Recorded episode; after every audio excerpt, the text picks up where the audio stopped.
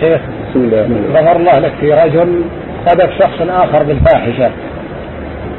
وأصر أنت يا المقذوف على أنه يشكو إلى القاذف ولكن هناك من هم دعوا المقذوف أن لا يشكوه. ما الحكم في هذا؟ القذف من حقوق الإنسان.